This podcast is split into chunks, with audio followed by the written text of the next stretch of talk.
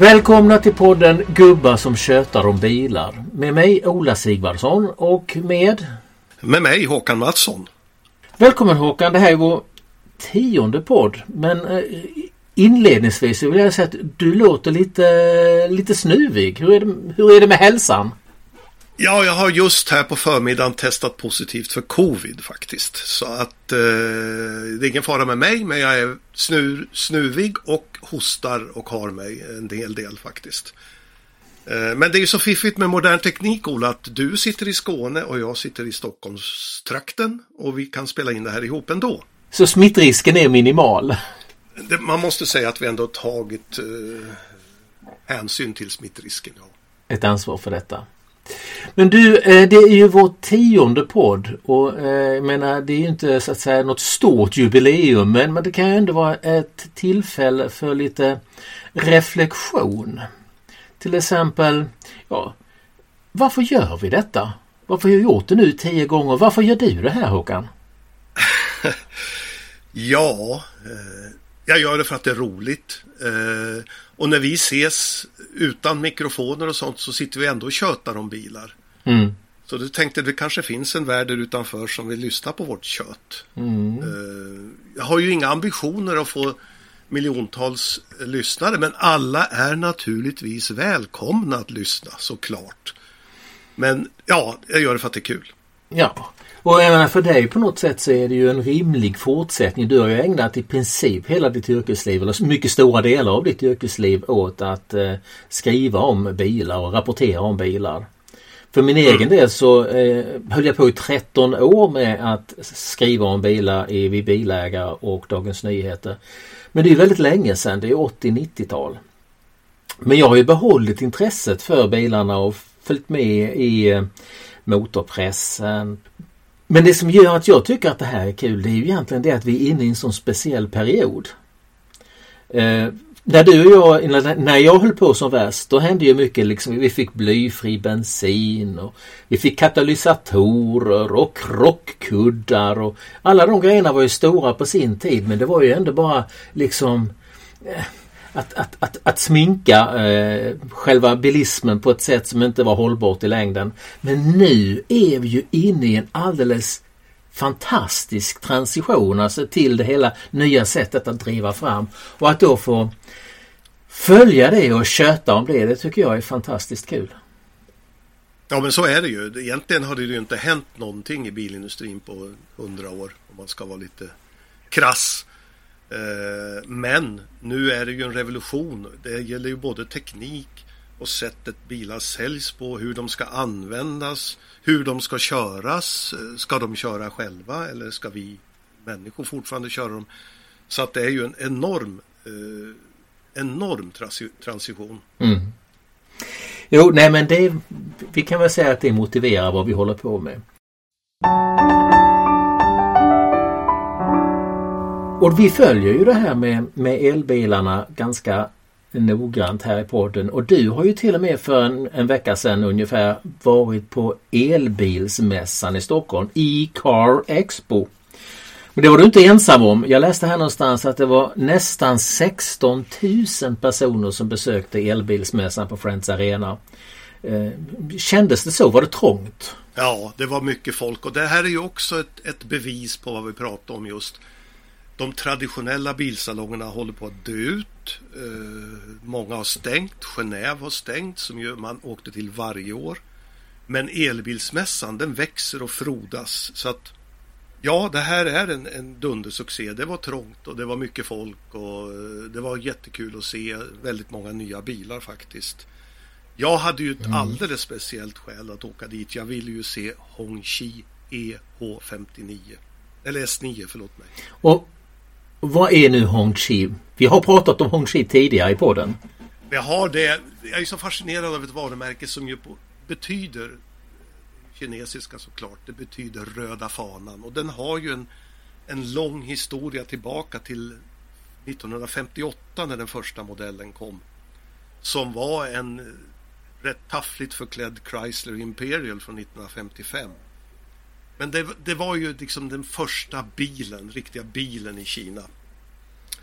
Och eh, nu kommer den alltså i en ny version, eh, riktigt ny version. Det är en jättepjäs, den är 521 cm lång, eh, över 2 meter bred, 2,7 ton tung. Nästan lika tung som en Volvo EX90 alltså. Då är det i tyngsta laget. Men, Ja, men, nej, alltså, det det, det, är ju, men det är ju en bil som utseendemässigt signaleras eh, så mycket. Alltså, vad är det? Är det mm, power på något sätt? Eller vad är det den ska signalera? Ja, det är någon sorts vräkighet tycker jag. Den är ju naturligtvis... Om man ska se på det här med sunda och nyktra ögon så är den ju motbjudande. Är- Men det är ändå spännande att få se den. Eh, och den har ju... Den har ju ganska hyfsad räckvidd trots att den är så tung. Eh, man kan få upp till 99 kilowattimmars batteri så att man får 46 mil någonstans räckvidd. De kostar väl 1,1 miljon någonstans. Men min stora fråga efter att titta på den där bilen och suttit i den och även om det var otroligt mjuka och sköna nackkuddar bak. Vem ska köpa denna bil? Skulle du göra det? Absolut inte. Jag skulle inte kunna tänka mig att åka omkring i en bil som ser ut så som, som, som den gör. Alltså, det, ja. Ja, sen, var det mycket nya bilar men jag hade ju lite svårt att tända faktiskt på en hel, dag, bil, en hel del av dem. Jag tände inte på Volkswagen ID Life till exempel, inte på Mini Aceman, inte på Smart Hashtag 1 och inte heller på det här gängets elsuva från Xpeng och BUD bland annat. Men Xpeng, var det inte en världs, världspremiär där? Ja, Sverige i alla fall. Va? Men ja, nej, alltså de här suvarna de lämnar mig på något sätt ganska oberörd. De, de, alltså, vi har ju pratat om det förut, vad, en, vad gör en, en SUV till en SUV och möjligheten till variation i designen är ju väldigt begränsad. De ser ut som de gör till slut de där.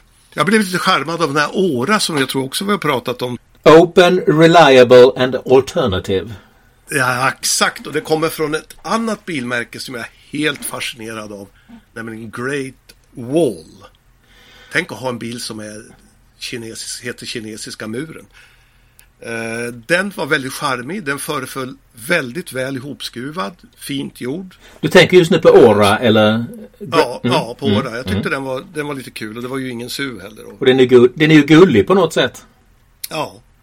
Men den mest spännande nyheten på den här salongen var nog faktiskt inte kinesisk utan Fisker Ocean. Det är förvisso ännu en SUV. Men från en biltillverkare som inte liknar någon annan och vi kommer att få höra mer om det om några sekunder. Den här bilen visades som konceptbil för fyra år sedan så startsträckan har varit lång. Lanseras nu i Sverige till ett pris på 755 000 för en version som heter One. Eh, den har då till exempel eh, en extrautrustning som heter California Mode. Och med ett knapptryck så får man ner alla sidorutor på bilen. Inklusive bakrutan. Fränt. Ja, det känns ju jättebra. Men du, kan vi, kan, kan, vi, kan vi inte ta några av, av, av er- innan vi går in på Fisker? Ja. Av de andra bilarna. Så, vad, vad, du har inte nämnt Polestar 2 generation 2. Nej. Alltså de gjorde sitt de gjorde tappra försök att säga att det här inte är en facelift. Men i någon mening så är det ju en facelift. Även om då det är nya motorer och den kommer med enbart bakhjulsdrift och sådär. Men den ser ju likadan ut. Den ser ju ut som den konceptbil som Volvo visade 40.2 för många, många år sedan. Fortfarande. Så att det är en teknisk uppdatering och till viss del en optisk uppgradering. Men eh, nej. Och jag tillhör ju de då få kanske som inte heller blir särskilt uppjagad över eh, Polestar 3. Som jag tycker är prydligt gjord. Men inte särskilt upphetsande. Det är ju ännu en SUV. Eh, ja, nej. Men du, eh, på en mässa, till en mässa så hör jag också att det finns eh, liksom framtidsbilar och konceptbilar. Visst var det några ganska småläckra saker där? Ja, Hyundai hade ju en sorts retro-designad bil som lite grann DeLorean, tillbaka till framtiden stuk. Eller, eller någon, någon 70-talsmodell från Hyundai, den var fin. Eh, jättefin. Var inte Audi Grand Sphere där? Jo. Och den bevisar väl det Volvos före designchef Peter Horbury sa en gång i tiden att runda former slår kantiga. De skulpturala formerna är bättre än de här vassa kantiga. Och när man har sett den bilen är det bara att skriva under på det för den var fantastiskt fin. Eh, fantastisk bakända och så vidare. Men den var, kommer ju aldrig i produktion tyvärr men den var jätte, jättefin. Ja. Men man kan ju hoppas att de kanske låter sig inspireras av den. I ja, ja som, det heter, som det heter.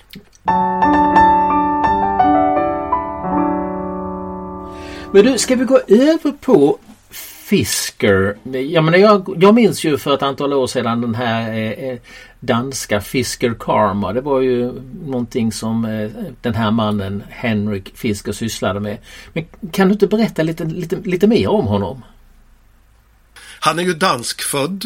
Eh, har bott i Kalifornien tror jag i större delen av sitt liv. Han ritade en gång i tiden i slutet på 90-talet eh, BMW Z8 han, jobbade, han var chef för BMWs designcenter i Kalifornien. Som ju är en av mina stora favoriter i bilhistorien. Den är, mm. ju, är trots att det är en retrodesign så är den väldigt fin.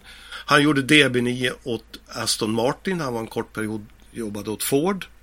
Och sen gjorde han då Fisker Karma som var väldigt vacker också men tekniskt undermålig. Jag kommer ihåg jag körde den här i Stockholm. Men det, var, det var ju en laddhybrid. Den var ju ja, den funkar ju inte särskilt bra och chassit var inte särskilt bra.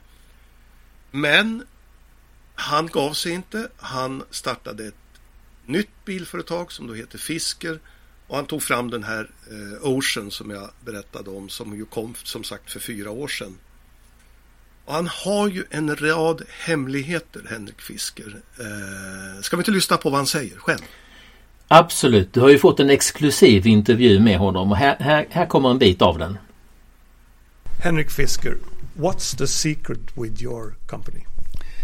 I don't know if we have one secret. I think we have many, uh, but I think that uh, our focus on sustainability, combining that with a beautiful, fun car, I think is important because I think even people who love cars also realize that eventually we need to make them sustainable if we want to keep them, and I think that's the key. But you have a very different industrial uh, layout. Well, no, we design and development is in one place in California, mm. so we do the engineering, development, and the software engineering there. Then the production is in Austria at Magna. And of course, at Magna, they made many different cars, also many German luxury cars. So we wanted to make sure we had a high quality car from the get go. And the advantage by using a contract manufacturer is that we know we're going to get a high quality car from the beginning because they already are building high quality cars and that's what they do for a living. And then the other advantage is that overall it's more of an asset light business so we can have a very competitive pricing. And as you can see our, uh, see our car here in Sweden start as 455,000 kronas, which I think is pretty attractive for a car like that. Do you think that more manufacturers or companies will enter the market the way you do now? It's not so easy. You know, we had to make a special deal with Magna where they took 6% ownership in Fisker. So it's not like you can just go there and say, hey, make my car. They have to believe in your business uh, because they're going to invest in it to a certain extent because they have to make the factory ready. And if we don't have the sales, it's not good for them. So they kind of want to see and believe in you, believe in your pro- product. So I don't think many more will do this. I think many would want to, but it's not as easy as it looks.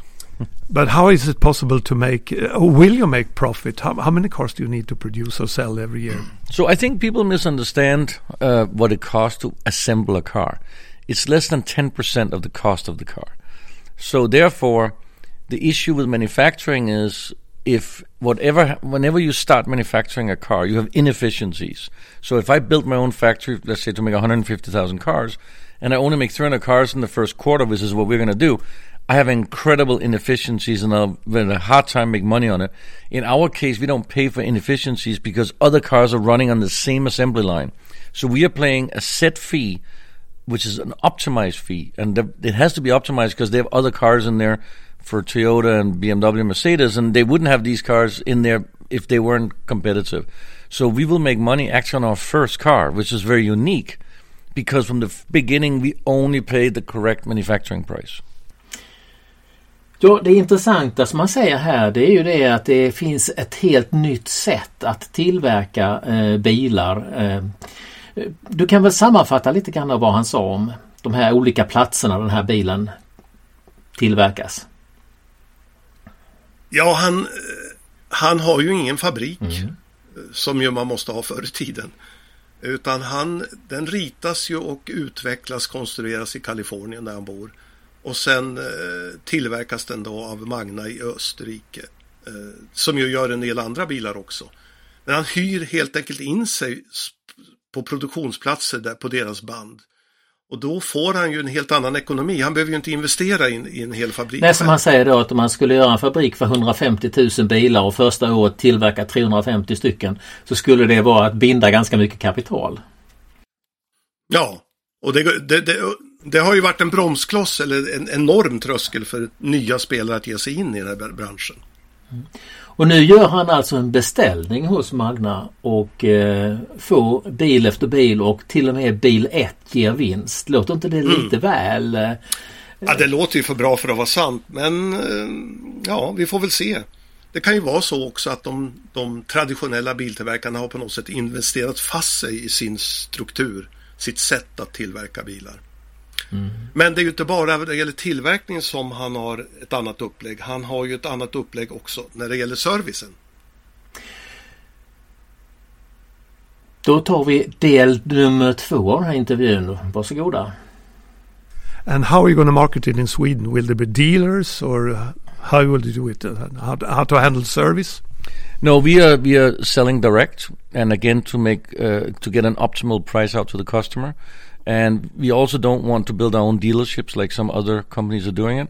What we are doing is we'll have Fisker lounges, which is showrooms, uh, but not many. A couple maybe in the big cities. We'll start with Stockholm. So we're looking for one at the moment. And then secondly, we have big, uh, what we call Center Plus, which is big delivery centers where you can take delivery and you can also go and get a test drive. We already have one here in Stockholm. We're just uh, uh, getting it ready as we start delivering cars shortly. Uh, so this is really how we will move forward. We will obviously do some media, digital, etc. Uh, we are a digital car companies, so you buy our vehicle online. Service, we have three ways of servicing. Uh, either we do mobile service, we come to you, or uh, we pick up your car, and then if it needs service, and there's no set service intervals, we let you know when the car needs to get service because it's a fully connected car. We'll know it, and then we'll pick it up. We'll bring it either to our Center Plus or we have a deal with a very large service group called Mekonomen, where we can use their facilities. They have skilled technicians that knows how to service the Fisker. So therefore, we can also bring it to them. So we actually have probably more service centers than many other startups because we already made a deal with Mekonomen. But you don't have to go there. We take the car there. Ja, eh, han har ju tankar både kring försäljning och kring service. I Sverige så tänker han alltså knyta ihop sig med Mekonomen och de finns ju lite varstans, eller hur? Ja, det finns på 400 platser i Sverige faktiskt. Så det är ju en, en ledande bilservicekedja. Det är absolut fullt möjligt att göra det med Mekonomen, det tror jag. De gör ju service såväl som, som auktoriserade verkstäder. Mm. Men Tror du på fisker? alltså, eh, jag ska nog säga det att, att, att eh, basvarianten som jag inte vet om den kommer till Sverige, den skulle i så fall kosta under en halv miljon. Ja, 450 000 tror jag det är. Ja, och jag menar en, en elbil som är relativt modern för 450 000 eh, som dessutom finns 400 serviceställen för i Sverige. Den skulle jag nog faktiskt provköra om det var så att jag var ute för att leta elbil just i detta ögonblick. Så pass intressant tycker jag nog att det är. Mm. Jag är ju så här att jag tror ju inte riktigt på upplägget. Det här att ha en enda modell och inte ha någon i alla fall känd finansiell partner att visa upp tror jag i längden kan vara tufft. Eh, men jag vill väldigt gärna att det här ska fungera. För att eh, den här branschen behöver nya spelare, behöver injektioner, behöver utmanare. Så att jag håller verkligen tummarna för att Henrik ska lyckas. I den fortsatta intervjun här som vi ska höra nu så börjar han ju prata om att vi kanske står inför ett Nokia-ögonblick. Vi kan väl låta honom utveckla den saken. We met uh, 22 years ago the first time when uh, the BMW Z8 was launched in California. How would you say that the automotive business has changed during these 22 years? You started your own brand, of course, but in general. I think we were both 18 years old when we met, weren't we?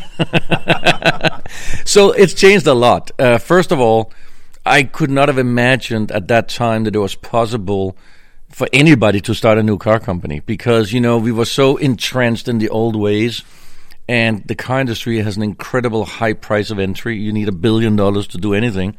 So I couldn't imagine that. But what has changed is a couple of things. First, development times now can be much faster, but the company has to be set up to do it. So that's the advantages that the startups have. They can actually make a car faster than the traditional companies. That's one advantage. The second is that we have sort of seen in the car industry what happened with the mobile phone industry, where nobody would have thought that anybody could beat Nokia until a new technology came around and they disappeared. And I think we sort of have the Nokia moment right now in the car industry, not as extreme, but the moment is there because many people are realizing that startups that focuses on electric vehicles can maybe make electric vehicles better than traditional car companies. And we have already seen it where people thought, you know, that Tesla would die every year. They've said it for 10 years and they haven't died. And they're now the leaders in the world. And by the way, there's no traditional car maker who has made a car which has a longer range than a Tesla and they've had 10 years to try out. We are the first one who do it. So with the Fisker Ocean, our top version have 630 kilometer range. That's longer than our main competitors like the Model Y. So I think that what people are willing to do now is when they look at an electric car and they come from a gasoline car, they're actually willing to leave their brand for the first time. If they look at another gasoline car, they'll probably stay with their brand. But now they're willing to try something new because they realize there might be some better electric cars out there than their old brand. Ja, Håkan, tror du att det är så att, att eh, vi står inför en, ett så starkt teknikskifte vad det gäller produktion av bilar att de här nya, alla de nya kineserna och Fisker och många andra så att säga rusar ifrån den traditionella industrin som är bunden vid sina gamla sätt att göra bil. Är det en, är det en realistisk tanke? Ja, jag tror att det är väldigt realistiskt. Som jag sa förut så har ju många av de traditionella biltillverkarna investerat fast sig i strukturer som är väldigt dyra. Det är ju ganska billigt nu att kasta sig in i den här branschen. Eh, du behöver inte hålla på med avgasrening som jag har berättat om förut. Utan du köper batterier, du köper elmotorer, fixar ett chassi, det är inte så svårt. Du gör en vacker kaross och så plötsligt så är du med i matchen. Eh, mitt favoritexempel är ju egentligen Seeker som nu lyckades plocka in, vad var det, 7,5 miljard kronor här och värderades till 130 miljarder kronor av aktiemarknaden eller av investerarna som inte har någon historik alls. Alltså de är ju två år gamla, det är ett Geely-ägt märke. De går ut, de kommer med en modell, nu har de visat det visserligen en till. Men de kallar sig Premium Brand. Men vad har de gjort för att förtjäna detta? Den säljs ju knappt den här bilen, i alla fall inte i Europa, den säljs i Kina. Ändå visar det hur hur lätt det på något sätt är. Man, man knoppar ihop den här bilen och så är den plötsligt premium. Men visar inte det att investerarna då som är beredda att satsa så mycket på det, att de har fattat att någonting är på gång i, när, vad det gäller biltillverkning? Jo, det, nu är det ju så att investeringar och aktiemarknaden bygger ju väldigt mycket på förväntningar och många hoppas ju att hitta den nya Tesla som ju har varit en kursraket även om det har gått ner lite här på slutet. Men alla de här kommer ju inte att lyckas. Alla de här märkena kommer inte att vara en ny Tesla. Så att det kommer ju en, en, en sorts baksmälla tror jag på det. Men, men väldigt många kommer att lyckas och väldigt många kommer att räcka för att ut, utmana den traditionella bilindustrin som ju inte riktigt mm. är med på det här tåget.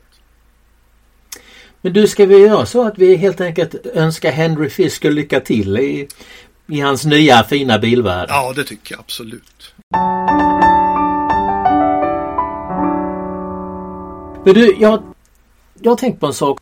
Han har ju en märklig historia i det som du berättade att han då har tillverkat eller varit ansvarig för produktionen av så många spännande bilar och sen så ger han sig ut på egna äventyr. Och jag, jag kommer ju att tänka på från förr i tiden, från 70-talet, på John DeLorean. Som du förstås minns också. Mm. Han var ju en, en, en, eh, den yngsta toppchefen som GM någonsin hade haft när han gick in i företagsledningen 1965. Och så jobbade han för GM i tio år och låg bland annat bakom Pontiac GTO och Pontiac Firebird. Men sen så eh, ruttnade han på GM. Han tyckte att det var omoraliskt att bara göra små designförändringar varje år och kallade för nya bilar. Slog sig lös eh, 73 och två år senare så kom ju då den här märkliga bilen DeLorean. DMC 12. Med måsvingar och svansmotor, en sexcylindrig och det märkligaste av allt det var väl lacken. Eller frånvaron av lack, eller hur Håkan? Ja, det var ju en eh, kaross i borstat rost, rostfritt stål. Så vad hände om man satte tummen på den? Ja, det var väl risk att det blev märken då. Men du får, inte, du får nog inte passera den där motorn, för den var ju en katastrof. Det var ju den berömda, eller ja, ökända PRV-motorn från Peugeot, mm. Renault och Volvo, som även satt i Volvos bilar då. Som ju var hemskt usel. Den blev lite bättre när de ändrade tändföljden efter ett antal år. Men den hade när den satt i DeLorean 130 hästkrafter. Alltså, vi pratar en tung sportbil här. 130 hästar. Ja, nej, det var, det var väl en av de sakerna som fällde den där bilen. Förutom att John DeLorean greps för knarksmuggling så vitt jag kommer ihåg.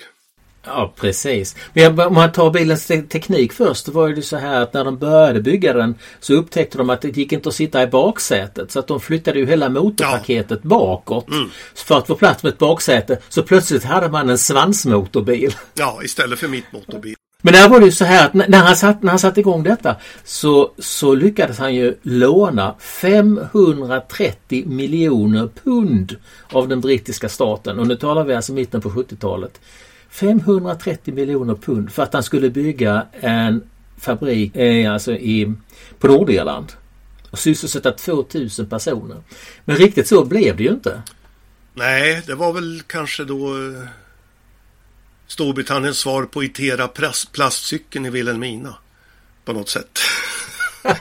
Nej men det var, ju, det var ju på gränsen till svindel. Eh, det där var ju egentligen dödsdömt från början. Men han lyckas få de där pengarna. Men, men allt försvann ju. Um, han, de gjorde ju ändå ett 9000 bilar så att... Uh, ja, nästan 9000 ja. bilar.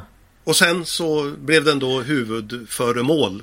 Eh, spelade huvudrollen i Tillbaka till framtiden. Får vi inte glömma bort. Det är väl det som den är mest känd för om man ska vara ärlig. Ja, mm. ja, ja. Men det finns fler sådana här figurer du. Vad heter det? Först skulle jag bara vilja säga att, att det kanske är orättvist mot Henry Fisker. Men jag tycker ändå att det går inte kanske en rak linje men ändå en linje mellan John DeLorean, hans karriär på GM och sen hans försök som misslyckades i bilbranschen. Och Henrik Fisker som ju har ju gjort fantastiska bilar i den traditionella bilindustrin och nu är ute på egen hand. Mm, men nu är det ju precis som vi och Henrik konstaterar i den här intervjun att nu är det nytt läge. Det är en annan bilindustri nu. Det är lättare att kliva in. Du behöver inte låna pengar av brittiska staten. Eh, du kan fixa det här och eh, det pekar ju på att Henrik kan lyckas ändå. Men du, vi måste komma vidare. Alltså, jag sitter här och liksom, brinner av iver att få fördjupa oss i Preston Tucker. Ja, absolut. Så eh, Tucker det var ju också en sorts framtidssatsning som gjordes i slutet på 40-talet i USA.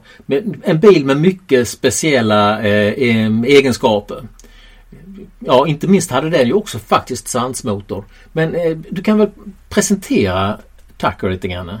Ja, alltså den, det som nästan var mest känt det var för det var ju att den hade en strålkastare mitt på eh, huven fram som vred sig med framhjulen. Mm. Och sen hade den lite sådana här säkerhetssatsningar som stoppad instrumentbräda. Eh, en, istället för handskfack så hade den en, ja, vad var det de kallade den? Typ krockkammare. Det var en sorts bur som skulle fånga upp rörelseenergin. Så att det var ju en hel del säkerhetssatsningar mm. som var Men, före sin tid kan man säga. Men där var ju tanken att de två passagerarna, för det var ju tre säten i bredd där fram. De två mm. passagerarna skulle vid en olyckssituation kunna kasta sig ner i det här värderade utrymmet och på så sätt liksom kanske klara sig lite bättre. Ja, ja. Um, den hade ju en styrstång som kollapsade.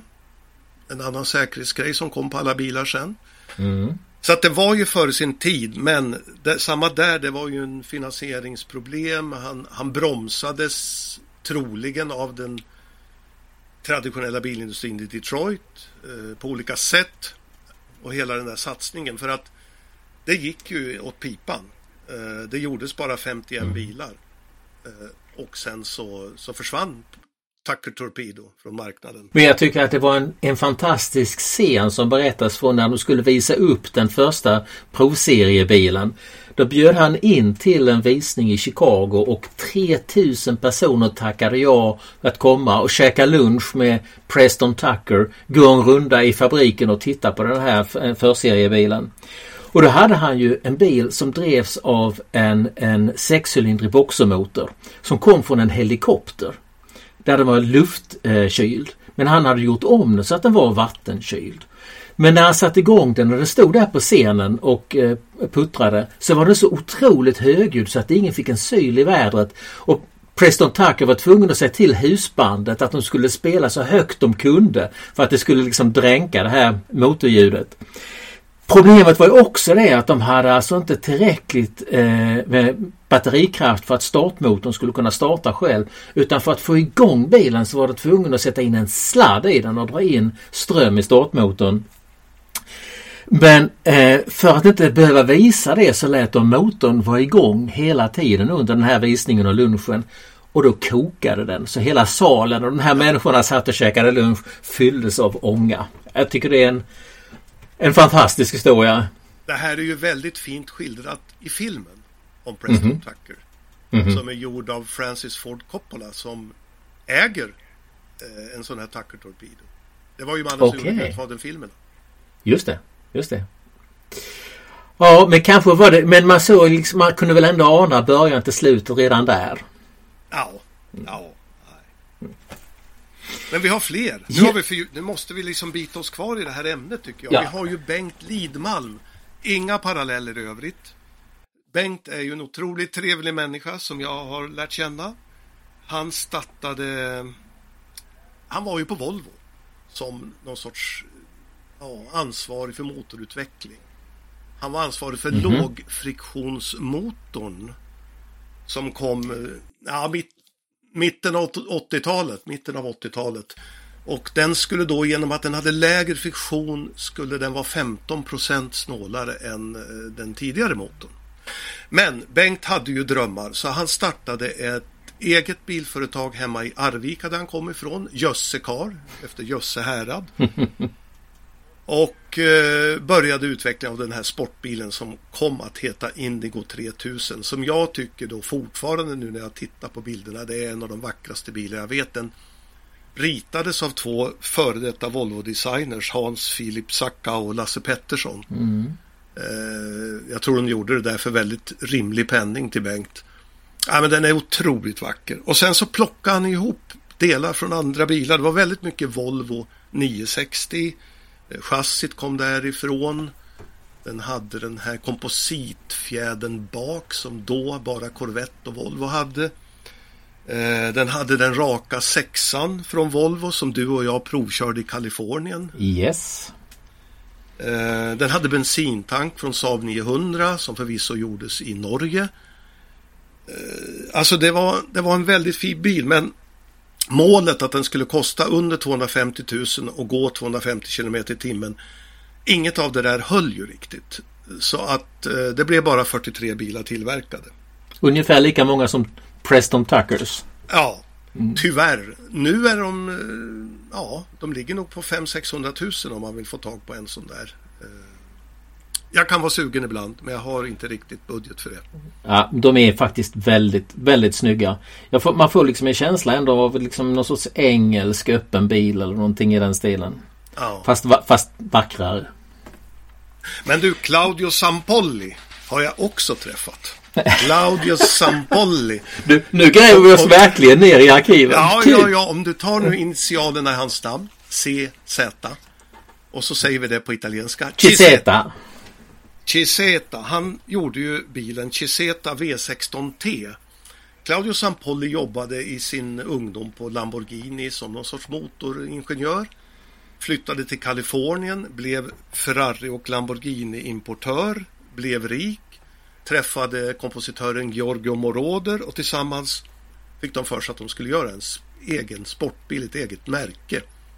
Så först hette den där Chiseta Moroder, sen hoppade Moroder av. Eh, Claudio Sampolli flyttade hem till Italien. Eh, legendaren Marcello Gandini som ju ritade Lamborghinis, ja de finaste bilarna, Miura, Countach, Diablo, vad du vill. Han gjorde karossen till den här bilen och... ehm, Det kan man, man kan nästan se Så- det. Släktskapet är ju tydligt. Ja, ja, ja. Och sen tog Sampolli två V8 från Lamborghini Uraco och liksom byggde ihop dem. Så hade han en V16-motor. En V16-motor. Ja, jag besökte honom en gång och då hade han den här motorn i en testbänk i ett litet hus på den italienska landsbygden. Alltså ingen bil utan bara motorn där. Så vi klev in där och så startade han den. Hela huset skakade. Det var ett otroligt ljud. Och så tittade jag på Claudio Sampolli. Han stod där med slutna ögon och bara log. Det var hans stora njutning. Åtta överliggande kamaxlar, 64 ventiler, 6 liter. Men ändå beskedliga 540 hästar. Ja, det var fint. 12 bilar gjorda. Mer blev det inte. Ja, nej men du, eh, fantastiskt kul tycker jag att köta oss ner i eh, lite bilhistoria också. Ska vi ta och avrunda dagens avsnitt med detta? Om man vill ta kontakt med oss så går det alldeles utmärkt på vår mail, nämligen bilchat.gmail.com. Förslag, tankar och idéer är mycket välkomna. Så att, ja Håkan, tack för idag och krya på dig! Tack för idag.